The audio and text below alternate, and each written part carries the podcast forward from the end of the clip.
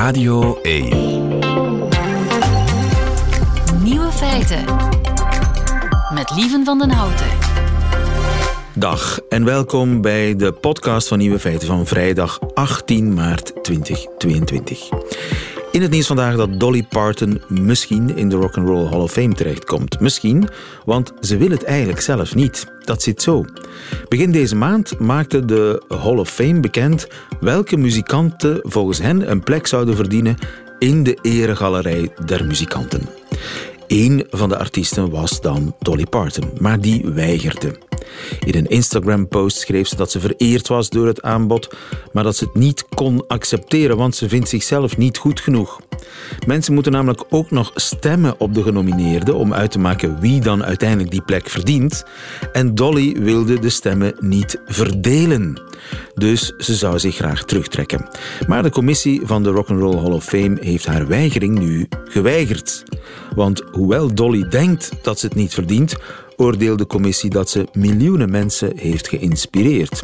En haar nederigheid is een extra reden waarom ze die plek in de Hall of Fame zeker verdient. En terecht. De andere nieuwe feiten vandaag. Dag 23 van de oorlog. Russische grondtroepen in Oekraïne bewegen nauwelijks, maar de bombardementen gaan gewoon door. Uit Moskou komen berichten dat Poetin afrekent met een paar officieren. Sander van Horen is teleurgesteld dat de koning der Belgen niet zijn paleis ter beschikking stelt van de Oekraïnse vluchtelingen. En potgrond is slecht voor het milieu.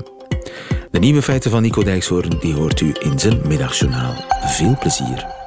Dag 23 van de oorlog in Oekraïne en de gevechten gaan onverminderd voort. Bert de Vroei, goedemiddag. Goedemiddag. Bert van onze buitenlandse redactie, buitenlandredactie, jij komt ons eh, bijpraten. Beweegt er eigenlijk nog iets op dat slagveld? Beweegt dat Russische leger of staat dat gewoon ter plaatse te schieten?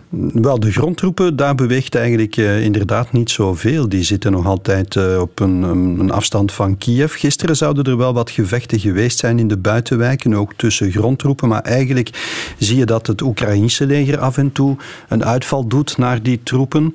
Uh, maar de Russische troepen bewegen niet echt veel. Dus het blijft vooral bij uh, artilleriebeschietingen ja. en bombardementen vanuit de lucht met raketten.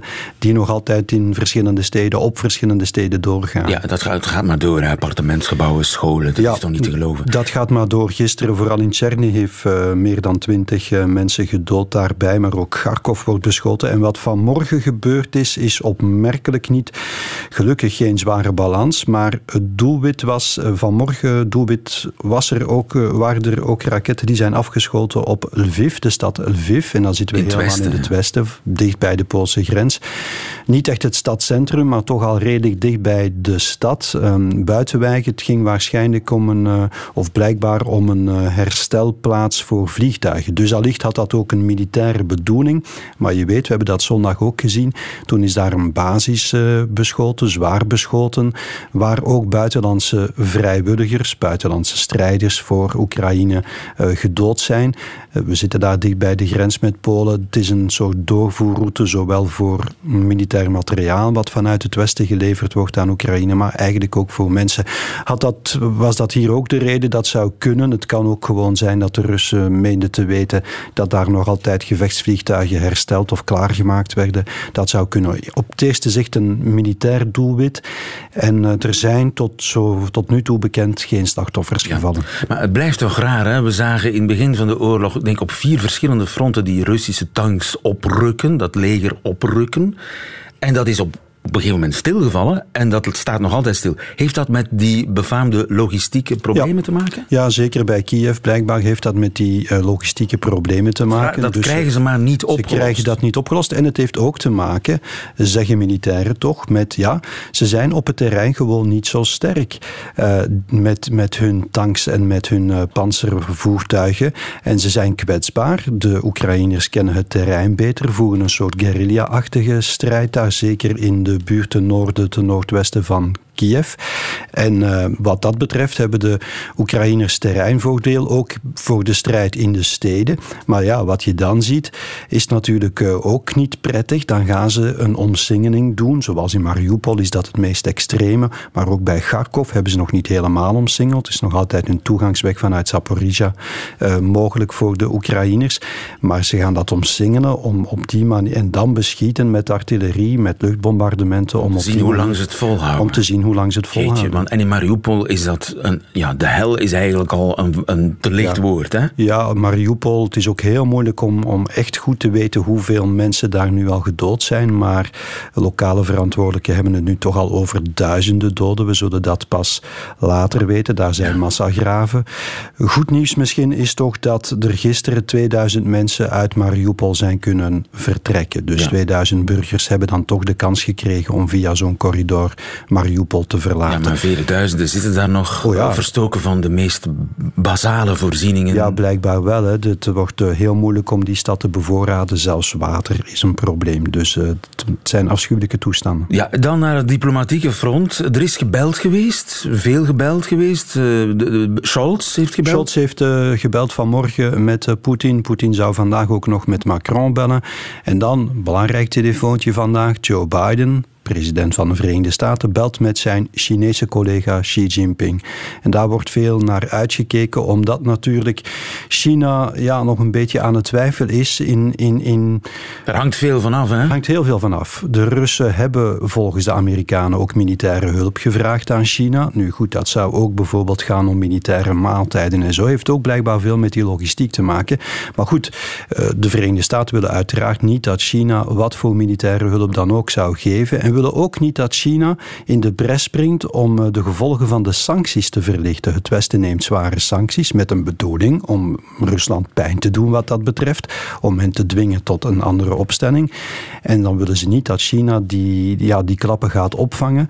En dus dat, zijn, dat is een belangrijke boodschap die Biden aan Xi Jinping zal duidelijk maken. Maar ik denk dat het ook moeilijk wordt voor Biden, want China is staat principieel wel op de lijn van Rusland in, in dat opzicht dat ook China vindt dat uh, de Verenigde Staten hun wil niet moeten opleggen aan de wereld. Dat de NAVO inderdaad te ver naar het oosten is opgeschoven. Dus principieel volgt China wel Rusland. Maar China heeft ook wel belang bij stabiliteit in de wereld en zo, economisch zeker. Dus misschien zit daar een opening voor Biden. Maar Biden moet die boodschap duidelijk maken, maar mag hen ook niet op de kast jagen, om zo te zeggen. Hè. Uh, nu, het feit dat Xi Jinping de telefoon wil opnemen en al wil bellen met Biden, betekent toch ook al wel dat hij zich ook niet helemaal um, plooit naar de wensen van Rusland. Ja, dus en hij zich niet helemaal wil associëren met de man ja, die door diezelfde Biden als oorlogs crimineel is afgeschilderd. Inderdaad, oorlogsmisdadiger. En gisteravond, dat had hij gisteren al gezegd, maar dan heeft hij daarna nog een paar mooie omschrijvingen aan toegevoegd. Eh, Joe Biden noemde uh, Poetin ook een, een, een, een zuivere schurk en een moorddadige dictator. En uh, vandaag heeft het Kremlin daarop gereageerd. De woordvoerder van het Kremlin heeft gezegd: ja. Het zijn persoonlijke beledigingen, dat is niet netjes, maar we gaan er niet te veel op in. We wijten het aan de vergeetachtigheid van Joe Biden, aan zijn prikkelbaarheid um, uh, ja, en aan zijn vermoeidheid. Dat het, is een, het is een oud ventje. Het is een oude vermoeide man en wat moet je van zo iemand verwachten? Dus een soort ja, subtiele uh, ja, ook, uithaal naar. Ook dat soort diplomatie speelt in deze zaken en deze conflicten een, een rol natuurlijk. Ja. Overigens, hoe vind je Poetin eruit zien de laatste tijd? Hij ziet er raar uit, hè? Maar wat kunnen we daarvan zeggen? Veel speculaties, maar hij ziet er raar uit. En zeker in zijn laatste speech, die, uh, die speech van eergisteren zeker. De insecten. Tegen, mijn tegenstanders zijn in, ook Russen die tegen mij zijn, zijn insecten. Ja. Uh, ja, het, uh, het, doet de wenkbrauwen fronsen, zeker de taal die hij gebruikt heeft, die toch bol staat van, van agressieve rancune. En dat doet dan denken aan ja, tijden. De meest donkere dagen. De meest donkere dagen. De 20e eeuw. Maar de man ziet er inderdaad ook graag uit. Um, maar wat kunnen we daarover zeggen en wat kunnen we daarover speculeren? Er zijn veel speculaties over de psychologische toestand van, uh, van Vladimir Poetin de laatste weken, maar daar ga ik me niet aan wagen. Dankjewel Bert de Vroei, want ik uh, heb Tom Venning ook aan de lijn. Goedemiddag, Tom. Goedemiddag. Tom, uh, we hadden het net over de ja, medisch-sociale toestand van de Russische president. Uh, jij hebt lang in uh, Rusland gewoond. Je staat op de zwarte lijst, hè, geloof ik. Ja, ik mag niet meer terug naar Rusland tot 2025. Ja, tot 2025 ben je Rusland-correspondent in ballingschap, zeg maar. Ehm, ja. Ik, ik hoor ook dat in Moskou koppen zouden rollen. Dat Poetin in zijn eigen entourage grote kuis is aan het houden. Wat weet jij daarvan? Ja, dat is ook wat ik heb gehoord de afgelopen dagen. Er is een aantal mensen binnen de Russische veiligheidsdiensten uh, aan de kant gezet. En dat zijn niet zomaar wat, uh, wat spionnen. Uh, we hebben het hier over uh, de, de, plaatsvervangende baas van de uh, Nationale Garde. Dat is een dienst die recht onder, ja, onder Poetin valt en zware verliezen heeft geleden in Oekraïne. We hebben het over ehm, de, de bevelhebber van de Buitenlandse Inlichtingendienst binnen de FSB. Ehm, dus dit zijn heel invloedrijke mensen die nu volgens goed ingevoerde Russische journalisten um, ofwel gearresteerd zijn, ofwel uit hun functie zijn gezet. Een aantal van die, van die um, arrestaties die zijn bevestigd, een aantal nog niet. Dus het is ook wel moeilijk om precies te weten wat er binnen de Russische veiligheidsdiensten gebeurt. Maar je bedoelt bevestigd door het Kremlin? Uh, een van deze um, uh, ontslagen is bevestigd door het Kremlin. Uh, en er zijn dus ook tekenen dat er nog veel meer mensen ja. uh, in, in, de problemen zijn. Dat hoofd van die vijfde dienst van de FSB, die buitenlandse spionagedienst van de FSB, ik geloof dat die Sergei Bezeda heet, of Beseda. Wat ja. wordt hem verweten? Dat weten we niet precies. Dat weten we niet precies. Maar er wordt daar wel flink gespeculeerd door uh, mensen die er veel van af weten. En waar mensen al langer bang voor waren, is dat Poetin informatie krijgt van zijn veiligheidsdiensten die eigenlijk niet deugt. Uh, er zijn natuurlijk veel mensen binnen de veiligheidsdiensten die weten hoe Poetin denkt en weten ook wat voor informatie Poetin wil krijgen. Poetin heeft een heel duidelijk uh, heel duidelijke opinie over Oekraïne. En uh, ja, hij wil informatie zien die die opinie bevestigt. Dus het lijkt erop dat mensen binnen de veiligheidsdiensten hem voorzien hebben van informatie die, die zijn theorieën bevestigt, maar eigenlijk niet durfde te laten zien dat er binnen Oekraïne heel veel mensen zijn die helemaal niet zitten te wachten op uh, een Russische bevrijding. Um, en nou ja, daar lijkt het uh, helemaal mis dus te zijn. Dus ze, wa ze, waren bang dat als ze de waarheid aan Poetin zouden zeggen, ja, dat ze hun job zouden verliezen. Maar ja, ik, ik daar speculeer een eind ja. verder natuurlijk. Maar eh, tenslotte zijn het die mensen die Poetin hebben wijsgemaakt dat de Russen als bevrijders zouden verwelkomd worden in Oekraïne. En dat een Kremlin-vriendelijke regering in Kiev dat dat er snel zou kunnen komen. Ja, de, de, de invasie van Poetin loopt absoluut niet zoals die uh, verwacht was binnen het Kremlin. Er zijn nu ook mensen binnen het Kremlin die dat wel toegeven. Dus de baas van de Nationale Garde die heeft al gezegd van ja, het gaat inderdaad langzamer dan we, dan we dachten. En er zijn geen enkele tekenen dat, uh, dat, dat mensen in Oekraïne uh, met bloemen langs de kant staan om de Russische tanks te verwelkomen. Ja, Integendeel natuurlijk. Maar dat was wel de aanname waarop die hele strategie is gebaseerd, waarop de logistiek ook is gebaseerd, die nu ja, blijkt helemaal rampzalig te verlopen natuurlijk, omdat ja. ze dachten op vijf dagen is het voorbij. Ja, dat is ook wat Poetin uh, heel lang heeft gezegd. Hè. We gaan Russisch-taligen gaan we helpen. Uh, etnische Russen die in Oekraïne wonen. Uh, nou, er werd al gesproken over het installeren van een, van een pro-Russische regering. Maar ja, daar lijkt absoluut geen steun voor binnen, binnen Oekraïne. Ja. Dus dat lijkt een uh, enorme inschattingsfout dus te zijn in, geweest. In, in, Moskou rollen de koppen. Dat uh, schetst niet het beeld van een land dat stabiel is, van een beleid dat stabiel is, van een, een regime dat alles onder controle heeft. Nee, er zijn heel veel vragen inderdaad over de stabiliteit binnen Poetins veiligheidsapparaat. En dat begon eigenlijk direct al bij uh, de aankondiging van de invasie. Vlak daarvoor had Poetin uh, echt een van de belangrijkste spionnen van Rusland op, publiekelijk op televisie. Juist, ja. Ehm, ja, echt uitgekafferd. En toen dachten we, toen was het dus al duidelijk dat er iets niet, eh, eh, ja, niet goed zit binnen de inlichtingendienst. Ja, en, en eh, hoe vind jij hem eruit zien? Bijvoorbeeld op die, die, ja, die eergisteren die, die eh, wat angstaanjagende speech over insecten die moeten uitgespuwd worden. Als hij het heeft over zijn politieke tegenstanders in eigen land. Ja, dat is echt taal die, die zelfs voor Poetins begrippen eh, extreem is. Eh, het kan best zo zijn dat hij het had over oligarchen en niet over, eh, over gewone Russen die, die misschien aan de kant staan van het Westen. Maar het systeem in Rusland is op dit moment zo eh, eh, gebouwd dat als Poetin iets zegt, kan het door het systeem worden geïnterpreteerd als een eh, als, als groen licht voor het vervolgen van iedereen die iets tegen eh, deze oorlog heeft. Dus het zijn heel gevaarlijke uitspraken die heel gevaarlijk zijn voor, voor iedereen in Rusland die eh, niet achter deze oorlog staat. Ja, onstabiele toestanden in Rusland. Tom Venning, dankjewel voor je toelichting. Dankjewel ook eh, Bert de Vroei. We houden de oorlog in de gaten. Nieuwe feiten.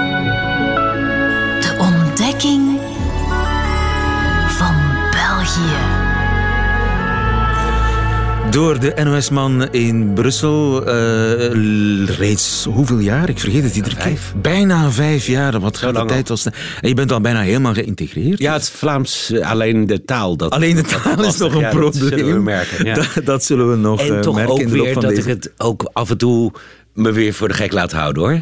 Ik kreeg gisteren een telefoontje van de NOS uit Hilversum. De koning gaat Oekraïense vluchtelingen opnemen. Dus ik had, net als ieder ander en in elk geval de mensen aan de telefoon in Hilversum, visioenen van het Koninklijk Paleis in Laken met drie riante slaapkamers die ontruimd werden en de koninklijke familie Mathilde, de kids erbij, s'morgens aan het ontbijt, zilveren eh, bestek en dan de vluchtelingen daarbij aan tafel. Maar Dat wou jij filmen natuurlijk voor het... en ja, ik wilde er in elk geval over vertellen, die generositeit. Ik stel mijn paleis open, maar toen ging ik research doen en zoals alles in België valt het dan in het water. Hoezo? Nou ja, omdat dat natuurlijk niet in het Koninklijk Paleis is. Nee, natuurlijk niet. Nee. Nee, nee, nee, nee, nee, nee. Door eh, het koloniale verleden vergaarde enorme rijkdom van de voorvaderen van deze koning. Daar zijn twee lousy appartementjes die ook nog eens verbouwd moeten worden. Die werden ter beschikking gesteld. Dus ja, toen was het verhaal wel een beetje weg. Ja, maar het, is, het blijft wel de koninklijke familie. Die, en dat is toch een unicum. En dat vond ik wel het grappige aan die dag van gisteren weer, 12-12, dat iedereen doet mee. En dat, dat is wat je wil uitstralen in, in deze periode. En dat, dat is bijna een soort nieuwe religie. Hè? Dat zie je ook in Nederland. Dat je met z'n allen op het moment dat er iets vreselijks gebeurt... waar je niets aan kunt doen... dat je dan met z'n allen achter een doel gaat staan. Het is de warmste week, maar dan in maart. Ja, opvallend daarbij is toch wel dat de Nederlander ietsje dieper in zijn buidel heeft getast dan de Vlaming. Ja, Eh, ik geloof eh, iets meer dan 100 miljoen. ja 106. En Inmiddels is het meer, want dat 17 loopt wat langer door. En wij waren, ik meen, twee weken voor jullie. Dus dat na-effect wat je ook bij 12-12 zult zien... Dat, dat gaat nog wat eh, opleveren. Hè. Dus je kunt het nog niet helemaal vergelijken. Het is inmiddels 130 miljoen. Maar 106 was het aan het einde van de dag. Ja. Dus jullie zijn natuurlijk met drie keer zoveel. We moeten factor drie doen, maar dan nog zitten we eigenlijk lopen Ik een beetje me achter. te herinneren dat er, we we hadden het er net over. Ik ben hier al vijf jaar. In het begin, de eerste keer warmste week, had ik een, een soort per hoofd van de bevolking uitgerekend. En de Walen zijn eh, vrijgeviger dan de Nederlanders. Maar de Vlamingen die komen daar nog weer eens overheen. Dus in die zin was het een beetje out of tone, inderdaad. Ja. ja. Maar ik, ja, weet je, ik bedoel, je bent met z'n allen vrijgevig. En dit, in elk geval in Nederland, was er een, op een gegeven moment een hele pijnlijke vaststelling. 106 miljoen voor Oekraïnse vluchtelingen.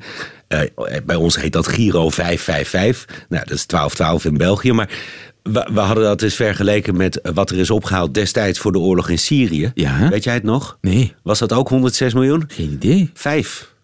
Niet 105, 5 miljoen. Wow. Ja, en dat is dan toch wel. Ja, wat, wat, wat ik de afgelopen weken ook bij jullie zie, maar ook zeker bij ons. Maar ik vind hem in Vlaanderen eigenlijk nog iets scherper. Die, die, die, die vraag, die geestel eigenlijk. Zijn we nou vrijgevig of gewoon racistisch? Jij hebt in Libanon gewoond, jarenlang. Jij bent een echte wereldburger. Begrijp jij dat voor de mensen eh, hier en ook in Nederland een Oekraïner gewoon echt een, een buur is en een Syriër een vreemdeling. Ja, het Ik, is... ik trek het op flessen, maar zo is het toch? Zo is het. En ik, ik merk dat bij mezelf ook. Ik bedoel, ja, ik ben een wereldburger, maar uiteindelijk ook een burger. En eh, je komt ergens vandaan. Dus ja, op het moment dat iemand op mij lijkt als ik in de spiegel kijk. maar dan- is het volgens jou racisme? Dat zit er voor een deel bij. Voor een deel zit het er ook bij dat dit eh, ook door ons, eh, de media, heel erg eh, terecht overigens is neergezet als een oorlog in Europa. Dus we hebben het, het over? Europeanen, precies. En dat is iets anders dan mensen uit het Midden-Oosten. En wat natuurlijk ook heel erg meespeelt, dit is in die zin in alle gruwelijkheid een heel lekker conflict. Er is een hele duidelijke bad guy. En er zijn good guys. En Zelensky, wat dat betreft, president van Oekraïne, Speelt het perfect. weet dat good guy, dat is de vlees geworden good guy. Het Che Guevara, hè? Ja. En hoe zat dat nou ook alweer in, de- in Syrië? Wie had je daar allemaal niet? En ja, de opstandelingen, oké, als je dan zegt dat is geen Assad, dus dat is goed. Maar de opstandelingen, dat is ook IS en dat is ook Al-Qaeda. Dus, dus dat was allemaal veel ingewikkelder. Plus Libanon heeft destijds, en misschien nog steeds, ja, miljoenen. En Turkije, maar even los daarvan. Ik bedoel, je hebt dus een aantal factoren. Het eh, zwart-wit, wat nu heel erg makkelijk is. Het in de regio. Maar ik vond de worsteling hier in België iets scherper nog eigenlijk. Ja. Iets, iets, iets, iets harder. Ik bedoel, in Nederland was het een vaststelling van... oeh, er zit hier iets scheef. En hier was het eigenlijk, vond ik, ja, een geestel... die jullie, Vlamingen, over jezelf heen legde. Zo van, ja, we stellen onze deuren open nu... maar het deugt niet. En dat vond ik wel heel erg grappig. En voor de rest, aan beide kanten van de grens, hoe de overheid er eigenlijk een zoortje van maakt. Hè? Want die vrijgevigheid, die ruimhartigheid, die er terecht of onterecht uit een soort van eh, misplaatst wijgevoel of niet, hoe die er ook is, hij is er. En je ziet dus aan beide kanten van de grens, Vlaanderen en Nederland, dat de deuren worden opengesteld, letterlijk van huizen. Oké, dan niet van het Koninklijk Paleis, maar. Ja, huizen. waarom niet eigenlijk? Is de Nederlander minder gastvrij?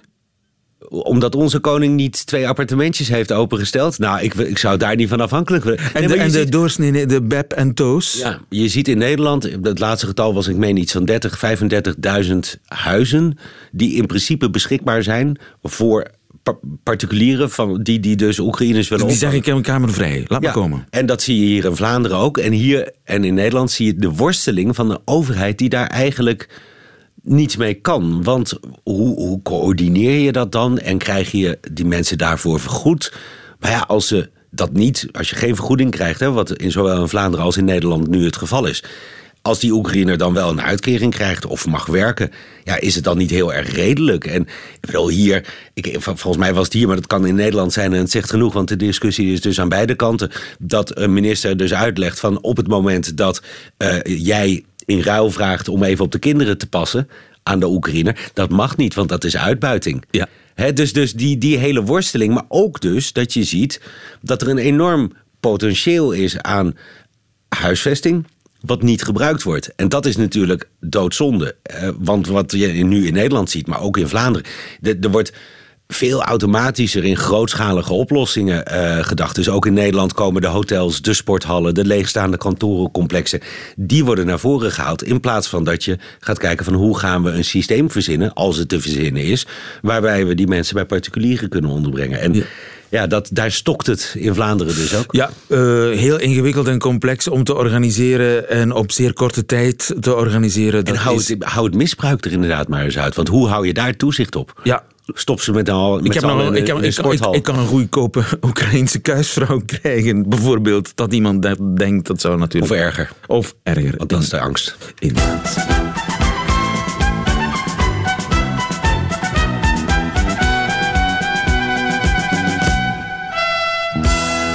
Examen Waarom geen kuisman trouwens? Een kuisman, dat bestaat ook. Ja. Nee, maar je bedoelt de, de, de kuisvrouw... Werkster, werkster. Ja. Over angst gesproken. Ik zie eh, de enige, enige angstzweet parelt op, op zijn eh, voorhoofd. Want het examen Vlaams, de wekelijkse geestel, waaraan wij dan weer eh, Sander van Horen onderwerpen. Wat is een curieuze neus? Dat is een onderzoeker namens de Standaard en de Universiteit Antwerpen... die iets aan zijn gevel hangt, waardoor het... eh, fijnstof, nee, te fijnstof NOx. Maar te dat is inderdaad ook een curieuze neus, Dankjewel, maar dat ja. is ergens op gebaseerd, namelijk de term curieuze Een neus. nieuwsgierig aagje. Wauw, een nieuwsgierig aagje. Dat is een Nederlandse staart, Ja. eh, een curieuze neus. Ja, ik weet dan niet of het hetzelfde is, maar een curieuze neus is iemand die eh, overal alles van wil weten. Ik sta perplex. Ja, Na vijf jaar, het mag wel, hè? ja zeker. Een plantrekker. Iemand die eh, bijna dwangmatig alles eh, geregeld wil hebben. Een plantrekker? Nee, ja. ja. Maar plantrekken is eh, een plan maken. Zie je, kijk, de uitdrukking plantrekken bestaat ook in Nederland. Maar betekent helemaal iets anders in België. Oké, vertel. Iemand die zijn plan trekt, is iemand die zich uit de slag trekt. Oh, Ja. een deserteur dus? Nee, Of uit de slag trekken. De uitdrukking uit de slag trekken. Nee. Ja, nu zit ik vast. Ja, goed zo. Uit de slag trekken. Gewoon keihard die bal terugspelen. trekken. Eh, improviserend toch nog ergens terechtkomen. Oh, echt waar? Is dat een plantrekker? Ja, en dat is ook iemand die zich uit de slag trekt. Dus we trekken ons uit de slag. Maar dat is toch, je trekt je terug dan? Nee, Oké. Dat, dat, wij, wij kennen het niet, maar dat zou mij een associatie zijn. wel. nee. Oké. Stel, hè, je, je, je huis is, staat in brand, eh, of, of je, er is iets ge- Je lamp. vreselijks gebeurd. Of je la- en dan moet je maar zien, het zien te rooien met de middelen en we gaan heel improviserend. We trekken onze plan. Nee. Zo van, het lukt wel, we trekken onze plan. Oké. Nee, bij ons is volgens mij hoor, maar eh, er zal ongetwijfeld een luisteraar zijn die daarop reageert. Vol- Volgens mij is dat bij ons echt meer van, je gaat planmatig te werk. En improviseren is, je doet maar wat of eh, ro- roeien met de riemen die je hebt. Voilà. Ja. Oh, een kippie. Een wat? Een kippie. Een KP. Een kippie, ja. Oké. En dat is niet een kippetje. Sorry. Nee, dat is geen, nee, dat is geen kippetje. Een KP. Een kippie. Is dat een kledingstuk? Nee. Het is een kledingstuk. Kledingstuk. Het is absoluut een kledingstuk. Mantel. Nee, het is geen mantel. Oké, vertel. Je, je vertrok zo sterk Ja. vandaag. Ja. Een kippie is een pet. Oh ja, die En met name een politiepet meestal. Politiepet, Ja, ja. Hij heeft zijn kippie op, pas op hè. Ah, ja. Alright, Sander, je moet volgende week terugkeren. Helaas. Helaas, Ja. tot volgende week, Sander. Nieuwe feiten. Groene vingers die blijven beter uit de potgrond, want potgrond is heel slecht voor het milieu, beweert Marijke. Goedemiddag, Marijke. Goedemiddag. Marijke Jozefzak van de Universiteit van Vlaanderen, want jij eh, brengt zondag een podcast online op de Universiteit van Vlaanderen, de Online Volksuniversiteit, zeg maar. Maar je werkt eh, in principe op de Universiteit van Hasselt als onderzoeker. En je houdt een pleidooi tegen potgrond. Wat heeft potgrond misdaan? Ja. Nu, potgrond is inderdaad niet zo onschuldig, onschuldig als het lijkt. Hè. Veel mensen kennen potgrond als een goede en ehm, vruchtbare grond. Maar het gaat voornamelijk om het veen. Dat is eigenlijk het hoofdingrediënt van potgrond. En de ontginning van dit veen is heel nadelig voor het klimaat en voor onze natuur. Aha, en dus daar de dus schade ontstaat bij het produceren van potgrond. Potgrond op zich, Ja. De materie is niet gevaarlijk, maar er is heel veel schade die ontstaat bij het maken ervan. Met name het veen.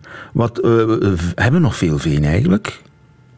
Nu, vroeger hadden we hier ook in België en Nederland redelijk wat veengebieden, maar die zijn al grotendeels eh, eigenlijk opgebruikt, waardoor wij tegenwoordig het veen gaan afgraven in voornamelijk eh, landen zoals Estland, Letland. Dus En dat veen is opgebruikt precies om potgrond te maken. Onder andere, ja. Dus eh, vooral om potgrond te maken, maar vroeger werd het ook gebruikt gewoon als, als hout eigenlijk, om, om op te stoken in de oude ovens van vroeger. Juist, wat is veen? Wat is dat eigenlijk? Veen is eigenlijk ja, wat wij kennen als potgrond. Die aarde, die vruchtbare aarde, dat is eigenlijk veen. En veen is dus eigenlijk zo'n vruchtbare grond, maar uit de moerassige gebieden. Dus zo'n veengebied, daar zit veel water in. En het is ook door dat water dat dat veen kan opstapelen tot een heel koolstofrijk product. Aha, dus daar, het is die waterlaag die daarboven zit, die als het ware allerlei ja, eh, meststoffen, voedingsstoffen, CO2, whatever, bewaart, bevriest, als het ware. Ja, inderdaad. Echt een opslag van koolstof in dat veen. En als dat veen eh, verdwijnt, is dat erg? Ja, sowieso, wanneer dat we het veen uh, gaan afgraven, gaat de koolstof die normaal wordt opgeslaan, wordt ook vrijgezet in de lucht als CO2, dus als broeikasgas. Maar ook het veengebied zelf, als dat verstoord wordt, gaat het zijn functie ook verliezen. Bijvoorbeeld uh, veengebieden dienen echt als, als een spons, dus ze kunnen heel veel water vasthouden. Als er dus geen veen meer is, dan kunnen we die grote wateroverlast of ook grote droogteperiodes niet meer bufferen aan de hand van dat veen. Dus het heeft zowel, uh, ja, het veen is goed voor het klimaat en voor het uh, milieu, voor de uitstoot. Veen is prima. Veen, we hebben veen nodig. Zonder veen ja, wordt er een, een cyclus doorbroken. Ja, juist. Kunnen we dat veen in die potgrond niet vervangen door iets anders? Ja, inderdaad. Uh, dus zowel onderzoekers, maar ook potgrondproducenten zijn volop op zoek naar alternatieven. Omdat ja, tegenwoordig weten we allemaal dat het klimaat echt wel de verkeerde kant op gaat. Dus iedereen werkt daar wel aan mee. En als alternatieven denken we bijvoorbeeld aan compost of aan houtvezels, die ongeveer wel een gelijkaardige werking kunnen hebben als het veen. Maar daar is toch ook nog wel heel wat onderzoek voor nodig om dat helemaal op punt te krijgen. Nu denk bijvoorbeeld aan, aan compost. Een composthoop, zelfs bij je thuis, is niet elke week hetzelfde. Hè? Dan, dan eet je eens iets anders. Uh, dus dat is ook seizoensgebonden. Dus dat maakt het heel moeilijk om echt een stabiel product te krijgen. En daarom dat het toch nog wel... Ja, daarom dat we er ook echt onderzoek naar doen om dit meer op punt te krijgen en ook bij de mensen te krijgen dat oh er alternatieven bestaan. En dat is het soort onderzoek dat jij doet, waar jij mee bezig bent? Ja, wij zijn aan de Universiteit Hasselt binnen het Centrum voor Milieukunde ook bezig met een, ja, een ander alternatief en dat noemen wij biochar. Dus biochar, ja, de naam zegt het al, is een biologisch product. En het lijkt een beetje op houtskool. Dus het wordt ook gemaakt van biologisch materiaal waar veel koolstof in zit, zoals bijvoorbeeld dus houtafval. Biochar, biochar, bio, biochar, biochar? Hoe zeg je het? Ja, biochar. Biochar ja. is de nieuwe potgrond eigenlijk. Uh, een deel van de biochar kan zeker het veen uh, vervangen. Ja. Dus, uh, Als ingrediënt? Daar zijn we ook. Ja. ja, ja. Dus daar zijn we ook aan het kijken hoeveel biochar hebben nodig om hoeveel veen te vervangen. Dus ook daar, ja, daar is ook nog wel wat werk aan de winkel om dat echt op punt te krijgen. Ja. Dus op dit moment is er eigenlijk geen alternatief voor potgrond. Mensen die hun plantjes goed willen verzorgen, ja, ze kunnen niet milieuvriendelijker zijn dan potgrond. Jawel, jawel. Dus er zijn, spotgrond is de algemene term. Hè, maar dus het veen kan zeker vervangen worden door andere materialen, zoals houtvezels Dat is er nu al? Dat is er al. Staat dat op het pak? Ja, dus als je naar de winkel gaat en je zoekt een zak potgrond, kijk dan zeker eens naar um, alternatieven voor veen. Dus je hebt zakken zonder veen of met minder veen. Dus die zijn zeker al veel beter om te gebruiken dan de oude potgrond, zal ik zo zeggen. In afwachting van de biochar, waar jij, Marijke Jozefzak, aan, aan het werken bent uh, op de Universiteit van Hasselt. Dit verhaal, wie dit uh, uit en daarna nog eens wil beluisteren en met meer details, ik uh, zeg nog even dat zondag je podcast online komt van de Universiteit van Vlaanderen over dit onderwerp.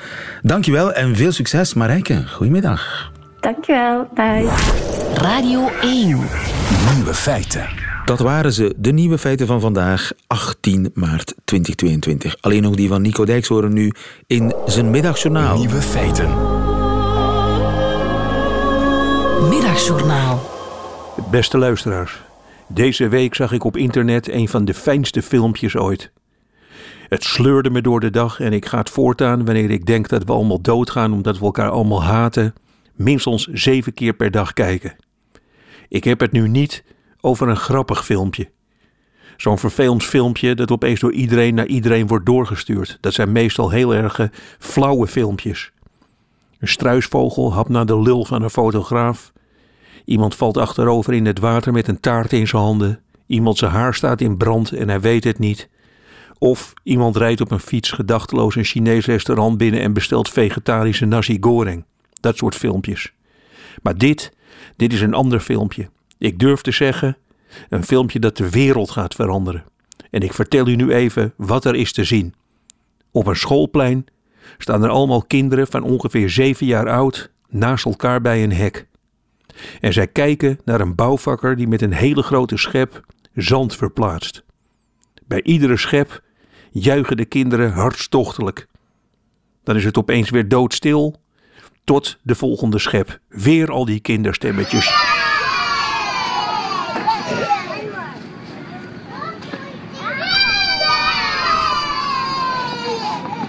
Luisteraars, dat geeft mij nou zoveel moed. We moeten nog wel even geduld hebben, maar er groeit nu een generatie volwassenen op die oprecht en luidruchtig kunnen genieten van het doodgewone. Over ongeveer twintig jaar is de wereld een prachtplek. Kindjes die eerst juichten bij een zandschepper, die staan nu op de markt en ze bestellen een pons verse vis. Ze wachten tot de marktkoopman de eerste vis pakt en daarna juichen ze heel hard. Het is precies de vis die ze wilden. Benzine tanken, luisteraars, dat wordt een feest. Iedere keer als de pomp ping zegt, omdat de tank vol is, heel hard juichen. En het kan met alles. Op straat stopt een vrouw vlak voor je. Ze kijkt onder haar schoen en ze verwijdert een steentje uit haar zal. Een man vlak naast haar juicht de armen uit zijn lijf. Ook in de huiselijke kring wordt het één groot feest. Tanja en ik, wij kijken in de oven en we zien dat er een heel mooi bruin korstje op de kaas zit. Daarna vallen we elkaar in de armen en spreken we een trouwdatum af. Luisteraars, alles komt goed, want kinderen juichen voor een hardwerkende man die het zand schept. Heel lief, met stemmetjes als jonge meeuwtjes op een dak. Luisteraars, u kunt rustig gaan slapen. Ooit zal iemand zien hoe mooi u een vaatwasser inruimt.